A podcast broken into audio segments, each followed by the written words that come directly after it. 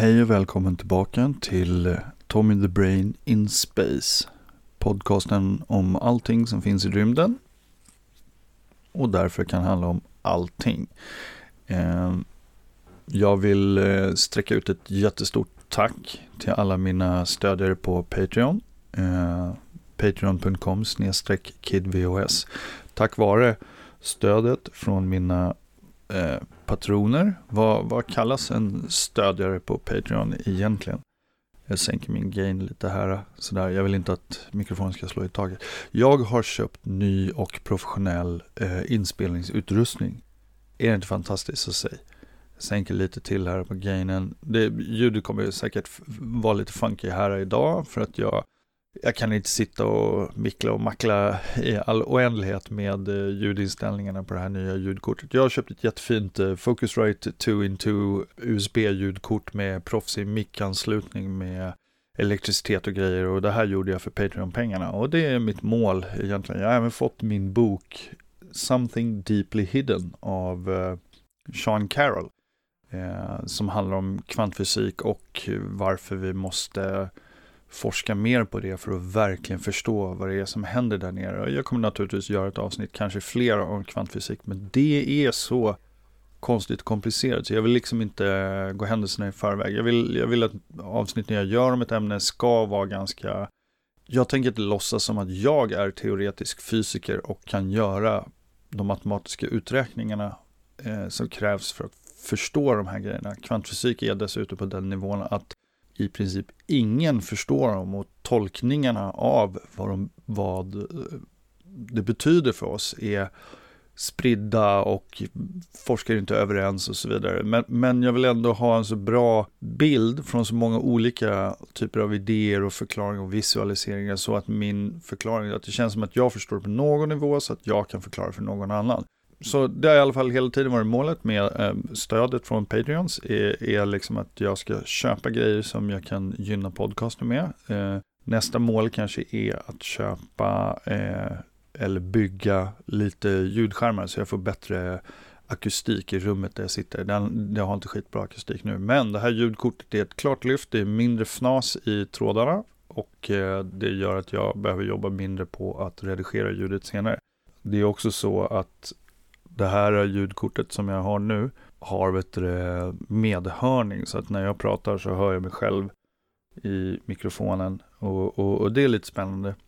Det, jag sitter med hörlurar och en mikrofon, det gjorde jag tidigare men då hade jag skruvat mig lite här så vi har, vi har min gnissliga stol.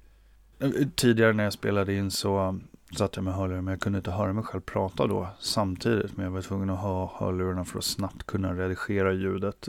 Um, och det slipper jag nu. Det här är mycket proffsigare och det är digitalt hela vägen in i datorn. Inga analoga kopplingar och inget billigt ljudkort i uh, den bärbara datorn med en fnasig uh, ljudkontakt, en klassisk hörlurskontakt som liksom är glapp och så vidare. Nåväl, det var det om, om, som, som intro. Välkomna tillbaka. Jag hoppas ni tyckte att vampyravsnittet var bra och roligt. Dagens avsnitt är en eh, Nobelprisspecial Nobelpris special om fysikpriset. Jag kommer också göra en Nobelpris special om eh, kemipriset, kanske om medicinpriset också. Jag har faktiskt inte ens koll på vad de fick priset medicin för. Kemi är jag ganska säker på var CRISPR, men nu börjar jag undra om de två priserna är samma och jag bara är glömsk och dum.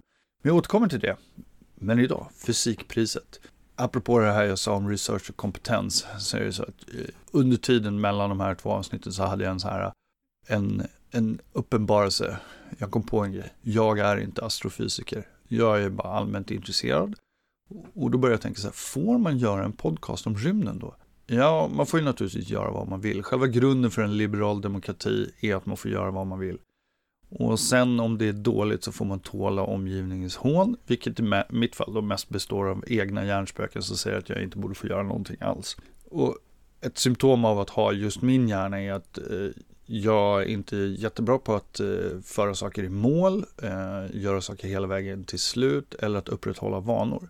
Så under ungefär 20 års tid så odlade jag ett personlighetsdrag för att hantera det. Jag brydde mig inte. Jag brydde mig inte om betyg, resultat på arbetet, relationer, städning, ingenting. Om man inte bryr sig kan man inte misslyckas. Men jag bryr mig egentligen och jag har insett i efterhand att det inte var ett skitbra drag.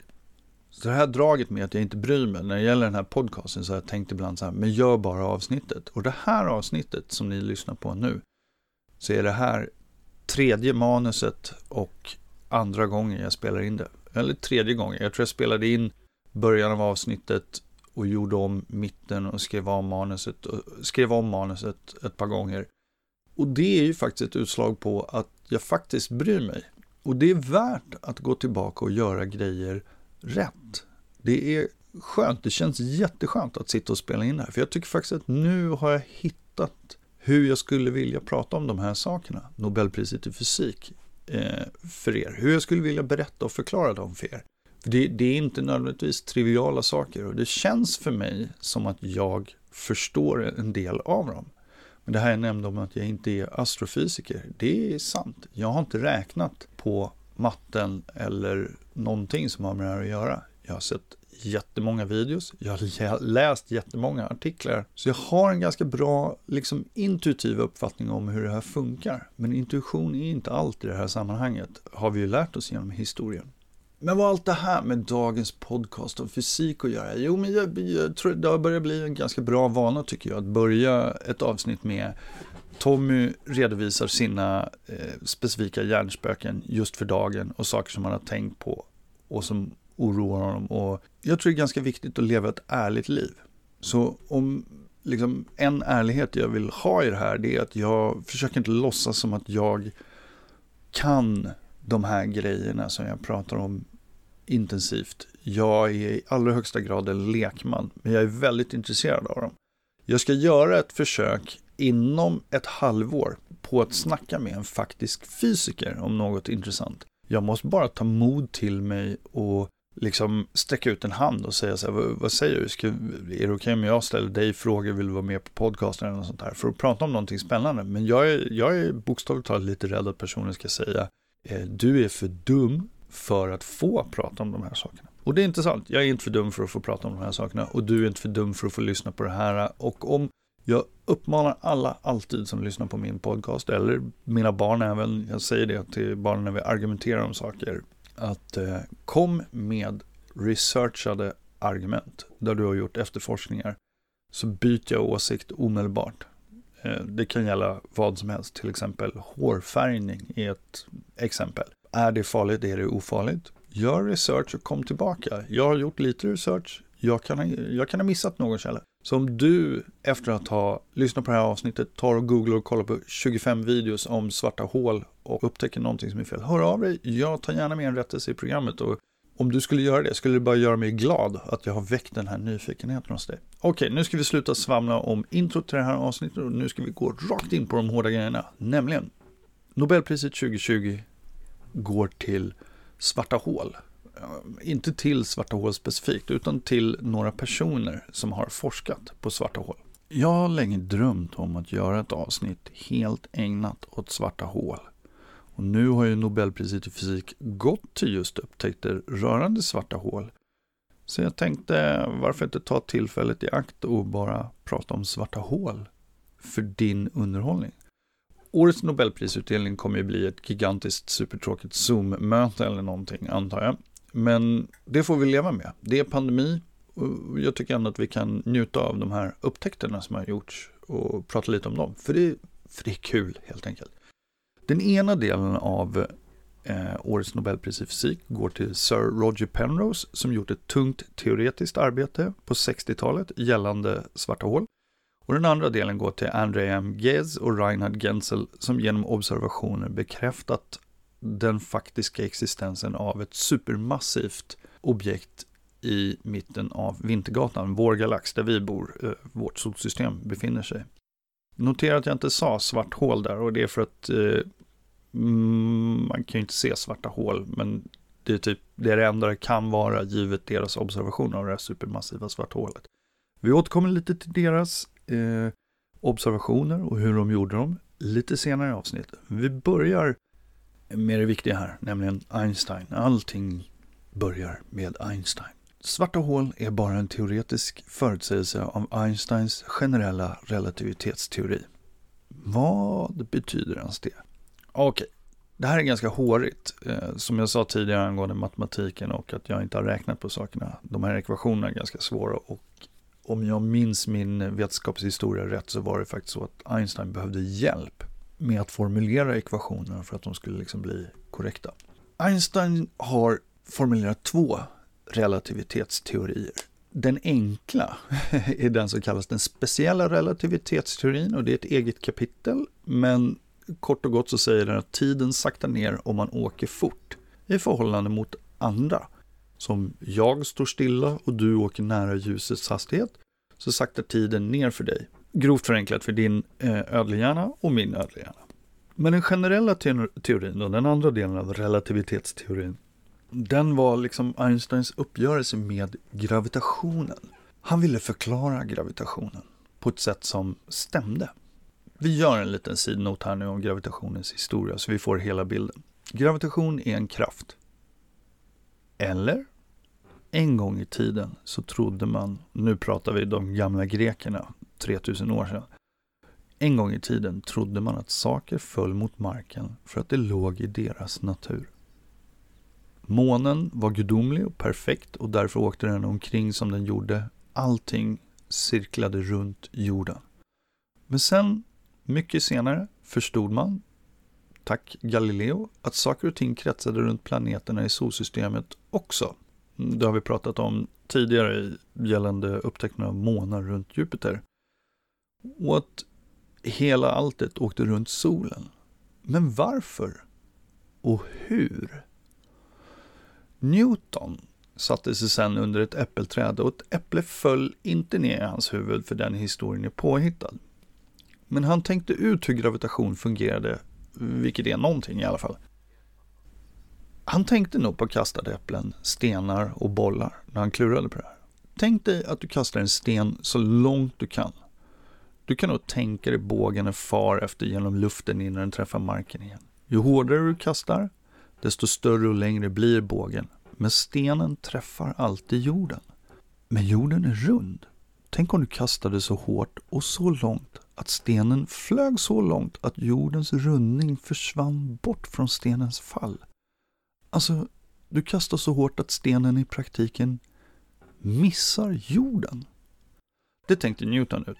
Givet det här tankeexperimentet så tänkte sig Newton gravitationen som en kraft, ett snöre, osynligt, mellan himlakroppar som jorden och månen, men också ett snöre mellan ett äpple och jorden, som hela tiden drog dem mot varandra. Han förstod också att inte bara drar jorden till sig månen, utan även tvärtom. Det är det som orsakar tidvatten till exempel, att månen drar på jorden. Han kunde sedan räkna ut ganska exakt hur planeterna och månarna i vårt solsystem rör sig runt varandra. Formlerna är så enkla att till och med jag kan förstå dem. Man multiplicerar två massor med varandra, jorden och månen till exempel, dividerar med avståndet mellan dem i kvadrat och multiplicerar alltihop med en konstant g, gravitationskonstanten, och ut får man kraften som agerar på de två massorna. Jag menar, det där var ganska enkelt, till och med du förstår. Om man vet vad jorden väger, och man vet vad månen väger, så kan man räkna ut hur stark gravitationskraften är som verkar på de båda. Liksom, hur mycket drar hur mycket drar det i jorden och hur mycket drar det i månen. Och det där kan du räkna ut för alla planeterna och månarna i solsystemet. Och de här formlerna var banbrytande och med dem räknade man ut hur alla banor på alla planeter och alla månar i hela solsystemet skulle vara. Och man tänkte sig ganska länge eh, med hjälp av Newtons alla lagar och formler att universum var som en klocka och att eh, om vi bara visste alla startpositioner tillräckligt exakt så skulle vi kunna räkna ut hur allting skulle se ut under väldigt lång tid framöver. Men så gjorde man observationer av Merkurius bana. Och de här observationerna förvirrade astronomerna eh, ända fram tills Einstein kom då på 1900-talet, flera hundra år senare. Och, och de här observationerna stämde inte med Newtons formler. Helt enkelt är det ju så att om du tittar på en planet, hur den snurrar runt solen, och så tar du position på den vid givna tidpunkter. Och så räknar du ut hur mycket den väger och hur lång tid den tar för att åka runt. Så kan du räkna ut hur den här banan ska se ut. Och sen då, det är viktigt att komma ihåg att planeternas banor runt solen är elliptiska. Och inte bara är de elliptiska så att de åker liksom, om du tänker dig så att den skulle om du tänker att du tittar på solsystemet uppifrån så är det inte så att Merkurius ellips går hela tiden utåt vänster utan själva ellipsen roterar också runt solen. Det går att se det här om man tittar på en video lite lättare än om jag förklarar men det är inte statiskt i alla fall. Själva ellipsen rör sig också. Alla planeternas banor kan bli uträknade med stor precision, men någonting är konstigt med Merkurius bana och fram, framförallt hur ellipsen rör sig runt solen. Det är någonting som inte stämmer. Förklaringen och lösningen på Merkurius bana kom först med Einsteins generella relativitetsteori som var hans uppgörelse med Newtons idé om gravitationen som en kraft. Det liknade ju den här kraften vid ett snöre tidigare. Tänk ett snöre mellan alla saker i hela universum, ett snöre som motsvarar kraften de påverkar varandra med. Du utövar ett gravitationsdrag på jorden och jorden på dig och du mot allt annat i hela universum. Gravitation har fördelen att den har oändlig räckvidd. Men hur fungerar det egentligen? Vad är det för mystisk osynlig kraft som sträcker sig över hela universum mellan varenda atom som finns? Via ett långt och mödosamt tankearbete kom Einstein fram till sin berömda teori som förenklat kan sägas ha två grundpelare. Den ena är att rum och tid sitter ihop i någonting som kallas rumtiden. Spacetime, Det är ett ganska bra ord. Generellt i vetenskap och astronomi så har saker inte toppen bra namn. Men Spacetime, det är bra tycker jag. Rummet och tiden är helt förenade med varandra. De är inte skilda saker. De sitter ihop. Den andra grundpelaren är att massa och energi förvränger rumtiden. Förvränger i det här sammanhanget kan förenklas med böjer. Ju mer massa man stoppar in på ett ställe i rumtiden, och när jag säger ett ställe nu undrar jag om vi behöver ett nytt ord för att ange en plats i rumtiden, för det är både en plats och en tid. Ju. Hur som helst, ju mer massa på en viss volym av rumtid, desto mer böjs rumtiden där. Om man skulle kunna tänka sig det här så skulle man kunna beskriva det som att det råder en rumstidsnedförsbacke runt jorden som gör att månen snurrar runt jorden. Om jorden inte fanns skulle månen bara åka vidare rakt ut i rymden. En rymd som förstås är fylld av nedförsbackar runt alla andra saker. Ju närmare man kommer en stor massa, som till exempel solen, desto mer lutar det in mot densamma. När du kastar en sten, som Newton tänkte sig, så rör sig stenen alltid i en rak linje. Rätt från det ställe där du släppte den. Bågen blir bara till för att du kastar den i en rumstidsuppförsbacke som den saktar in i. När den inte orkar rulla upp för längre rullar den nerför. Under hela tiden har den rört sig exakt rakt framåt men genom en böjd rumtid. Det är superknäppt. För vi får inte glömma det där extra ordet, tid. Rumtiden är böjd. Jag menar, tänk att du har ett äppelträd som tappar ett äpple. Äpplet har ju inte kastats någonstans, så varför rör sig det ändå ner mot jorden? Det är ju stilla, inte i rörelse. Jo, för att allting alltid rör sig framåt i tiden. Och eftersom rum och tid sitter ihop och rumtiden är böjd, så är det som att du har lagt äpplet i en nedförsbacke och så rullar det ner mot jorden via en rak linje genom rumtiden där äpplet rör sig framåt längs en tidsaxel. Våra hjärnor har svårt att tänka sig fler dimensioner än längd, djup och höjd, absolut. Särskilt när en dimension inte känns geometrisk utan är tidsdimensionen. Effekten av den här böjningen är påtaglig och påverkar oss alla i vår vardag, hela tiden. Vår egen planets påverkan på rumtiden gör att vi måste ta hänsyn till effekten av den här böjningen i GPS-satellitsystemet. GPS-satelliter måste ta hänsyn till både den speciella relativitetsteorin som säger att klockorna går långsammare för dem än för oss. De rör sig, vi står stilla, med 7 mikrosekunder per dag. Eftersom sen rumtiden är mindre böjd där satelliterna är i omloppsbana runt jorden går de också fortare än på jorden med ungefär 45 mikrosekunder per dag, vilket blir 38 mikrosekunder per dag. Men klockorna på satelliterna måste gå rätt med 20-30 nanosekunders precision. 38 mikrosekunder är 38 000 nanosekunder. Så den här böjningen av rumtiden måste man ta hänsyn till. Ja, och för att vara extra tydliga så är det alltså så att en mikrosekund är en miljondels sekund och en nanosekund är en miljarddels sekund. Så det här är saker som kräver oerhört noggrann tidmätning. Och det här är alltså för att nedförsbacken i rumtiden är mindre brant ju längre bort från jorden vi kommer. Så här, allra, allra närmast jordens yta, där du och jag befinner oss till vardags, så är jordens gravitationspåverkan på oss större än vad den är högre upp i atmosfären där GPS-satelliterna far omkring. Och det gör alltså att klockorna går fortare där uppe. Det är rätt knäppt att tänka sig, men tiden är alltså relativ och böjd, bokstavligt talat. Einstein, what a guy. Hur böjd har din hjärna blivit nu? Min hjärna är väldigt böjd för att eh, det här tycker jag är super, super konstigt. Men okej, okay, skulle inte allt det här handla om svarta hål egentligen?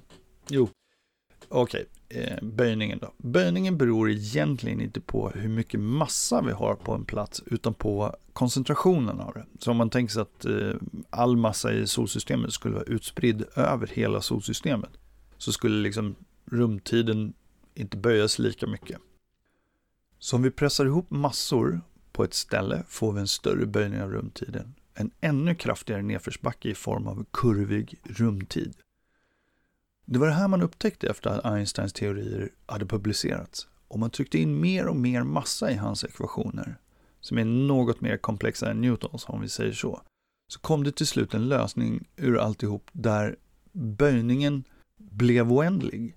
För att komma upp ur nedförsbacken skulle man behöva åka fortare än ljusets hastighet. Och det kan man inte. Helt plötsligt var det enkelriktat.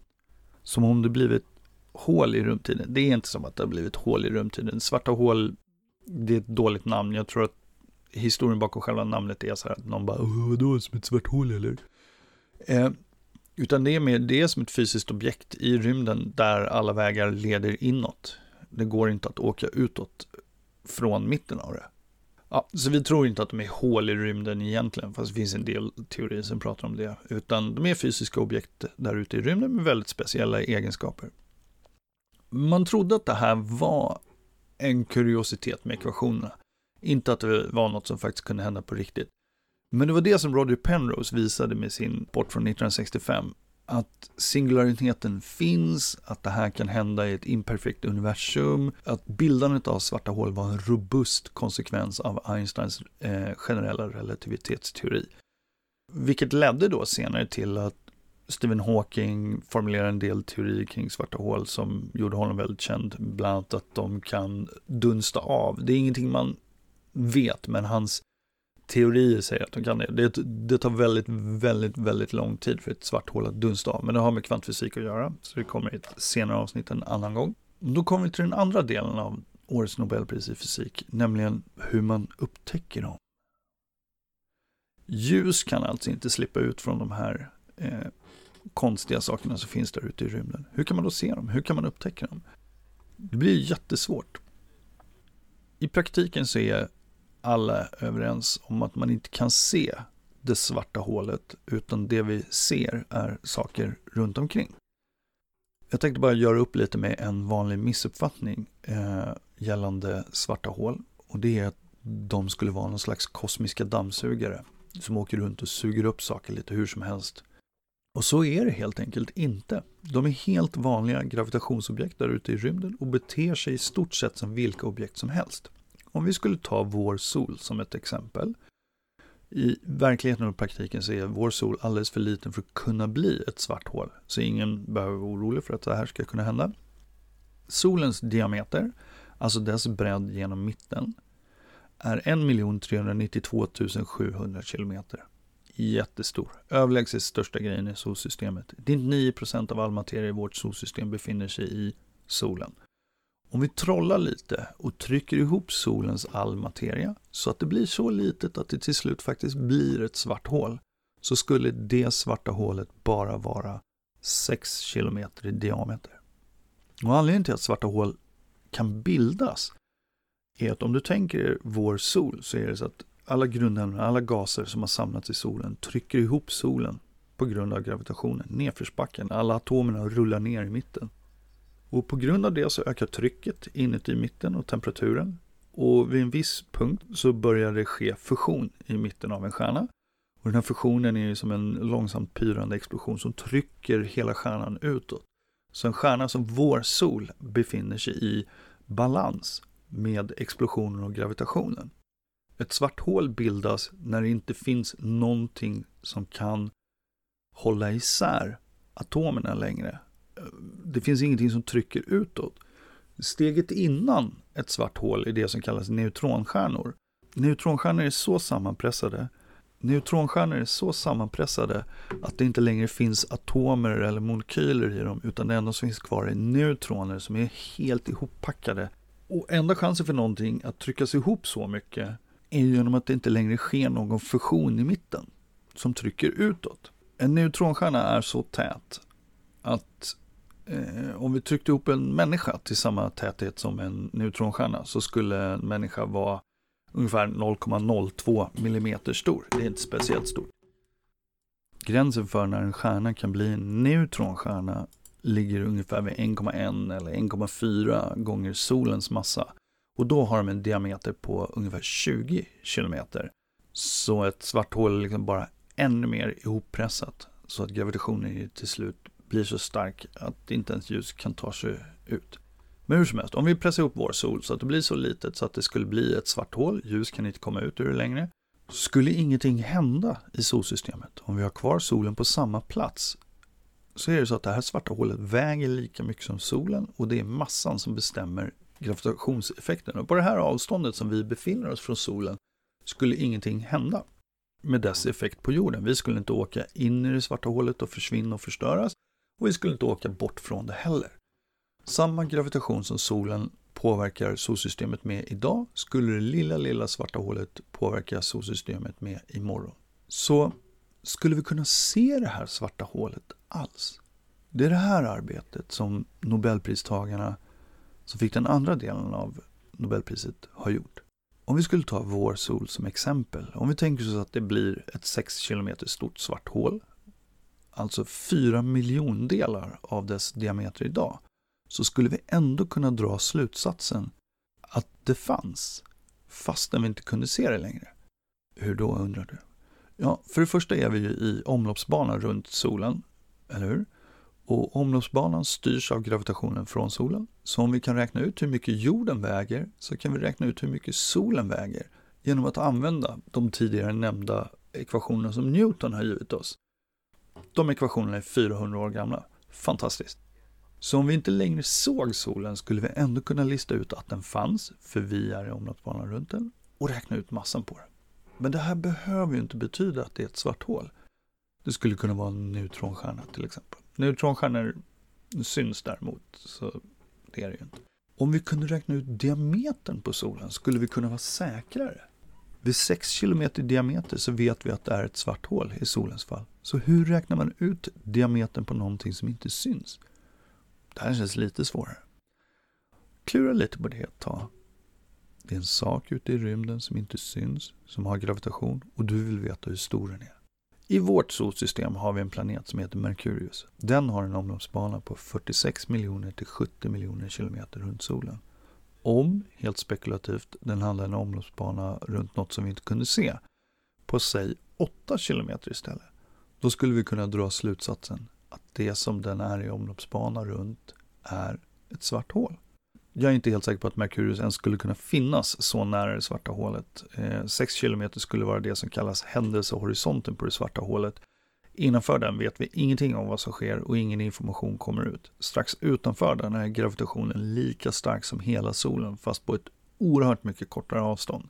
Den är ju starkare än solen eftersom den är mer koncentrerad så är lutningen där inne ännu större, alltså rumtidslutningen. Och den ökar hela tiden ju närmare man kommer. Det här är en grej som leder till det som kallas för spagettifiering när det gäller svarta hål. Om man tänker sig att man själv skulle åka in mot ett svart hål med fötterna före, skulle gravitationen påverka dina fötter så mycket mer än huvudet att hela du drogs ut till en i princip oändligt lång spagettitråd för att dina fötter skulle sugas fortare och kraftigare mot det svarta hålet än vad ditt huvud skulle göra. Och det här, det, det kan man inte överleva. Och det här skulle hända en planet också, om den var tillräckligt nära skulle den liksom, ena sidan av planeten, och planeter är mycket större än människor, Så effekten skulle vara ännu större också eftersom den bortre sidan av planeten är längre bort från eh, händelsehorisonten än den närmare sidan. Skulle den närmare sidan slita sönder oerhört fort och därför skulle Merkurius inte kunna finnas. Så det finns någon gräns som är längre bort än 8 km till exempel som är ett avstånd där någonting skulle kunna finnas i omloppsbanan runt det här objektet och, och fortfarande finnas kvar och inte slitas i stycken. Och, och, om vi då har någonting ute i rymden som inte syns och saker är i omloppsbana på ett avstånd som gör att, om vi tar neutronstjärneexemplet, om det skulle vara så att Merkurius hade en omloppsbana på 20 kilometer, då skulle vi veta att det inte var en neutronstjärna som är det näst tätaste objektet i universum. Eh, eftersom neutronstjärnans gräns vid den massan skulle vara 20 kilometer. Lite mindre då i fallet med solen. Strunt samma. Nu är alla de här uträkningarna ganska enkla eftersom solen är ganska nära oss. När jag säger nära är det såklart relativt. Solen idag syns bra på himlen och man kan se flera planeter runt den med blotta ögat. Observationer kring de här planeterna och planeternas omloppsbanor kan göras med teknik som vi har haft tillgång till i 500 år och solens massa kan beräknas med ekvationer som är 400 år gamla. Enkelt! Men tänk om det man ska spana på lite svårare att se. Mitten av Vintergatan, på vårt avstånd från den, tar upp en bågsekund på himlen. Om du minns att ett varv på en cirkel är 360 grader så är en bågminut en sextiondels grad och en bågsekund är en sextiondels bågminut. Det här säger inte så mycket, men för att illustrera det kan jag berätta att om du tar ett hår från en människa och håller upp det på 10 meters avstånd så motsvarar hårets bredd en bågsekund. Det är ett ganska litet område och på det väldigt lilla, lilla området, väldigt långt bort, finns det vi vill spana in på för att se om vi kan upptäcka ett svart hål. Den här regionen i mitten av Vintergatan. Men inte bara är den här regionen liten. Vintergatan är också 100 000 ljusår i diameter. Och från solen är avståndet ungefär 28 000 ljusår till galaxens centrum. Mellan oss och just det centret ligger några miljarder stjärnor, några triljarder ton gas och stoft som gör att det är i princip omöjligt att se något vettigt alls. Det är som att det är sot mellan oss och centret av Vintergatan.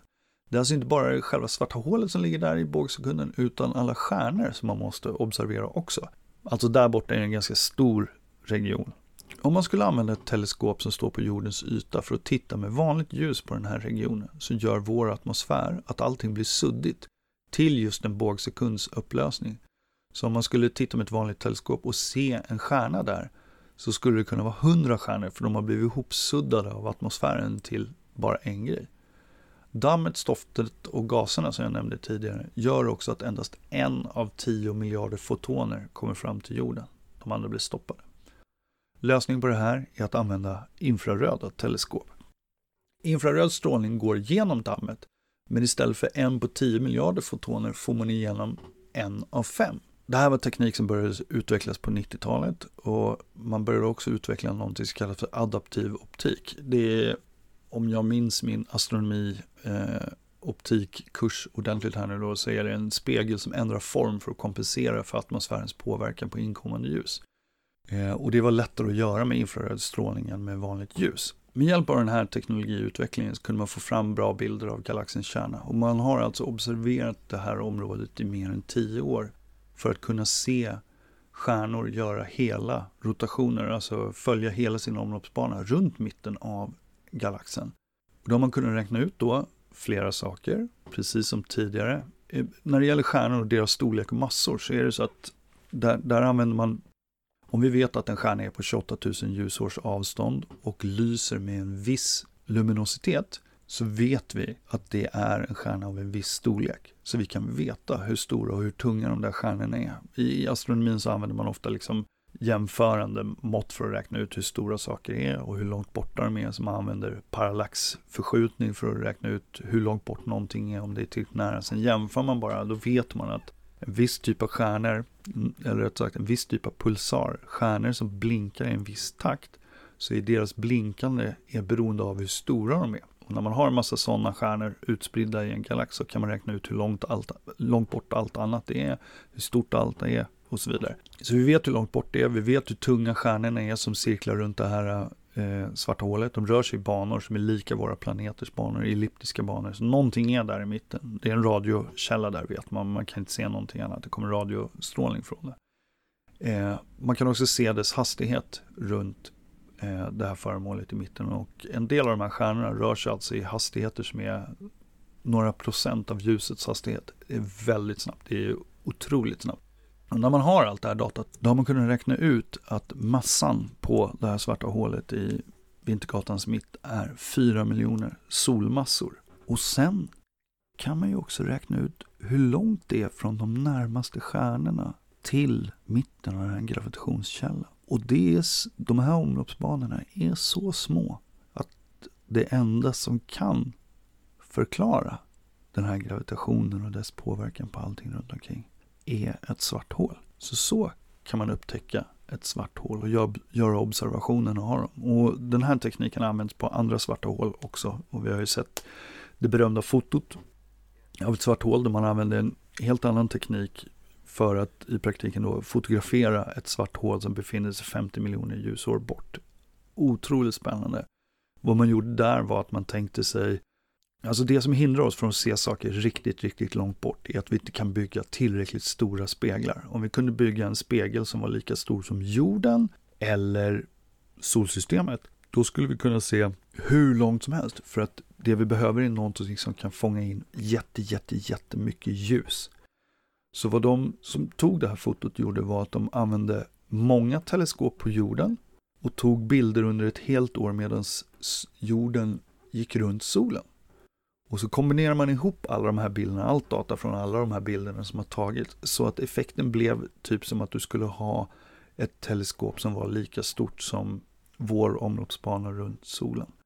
Fast inte riktigt, för vi har inga bilder från mitten. Men helt enkelt, man tog väldigt mycket bilder på centret av en annan galax. Och genom att göra det så kunde man kombinera ihop det och få en härlig bild av ett svart håls händelsehorisont. Jag tycker det är kul, jag har kollat lite YouTube-videos med teoretiska fysiker och så vidare som förklarar vad Roger Penrose har gjort. Det är fortfarande ganska komplicerat. En av dem sa att det som är häftigt är att Nobelkommittén har gett ett pris till en helt teoretisk upptäckt. Eh, man har alltså inte gjort några observationer utan man har bara jobbat med formlerna och matematiken och räknat ut då att svarta hål är en grej som finns. Och det är häftigt, tycker då de teoretiska fysikerna, för att det ger lite cred i deras jobb. Eh, och den andra delen är ju då det här med observationsastronomi eh, som, är, som är väldigt häftigt. Att faktiskt använda ett teleskop för att det visar att det räcker inte bara att ha ett teleskop, man måste göra observationer under väldigt lång tid för att se hur saker och ting rör sig.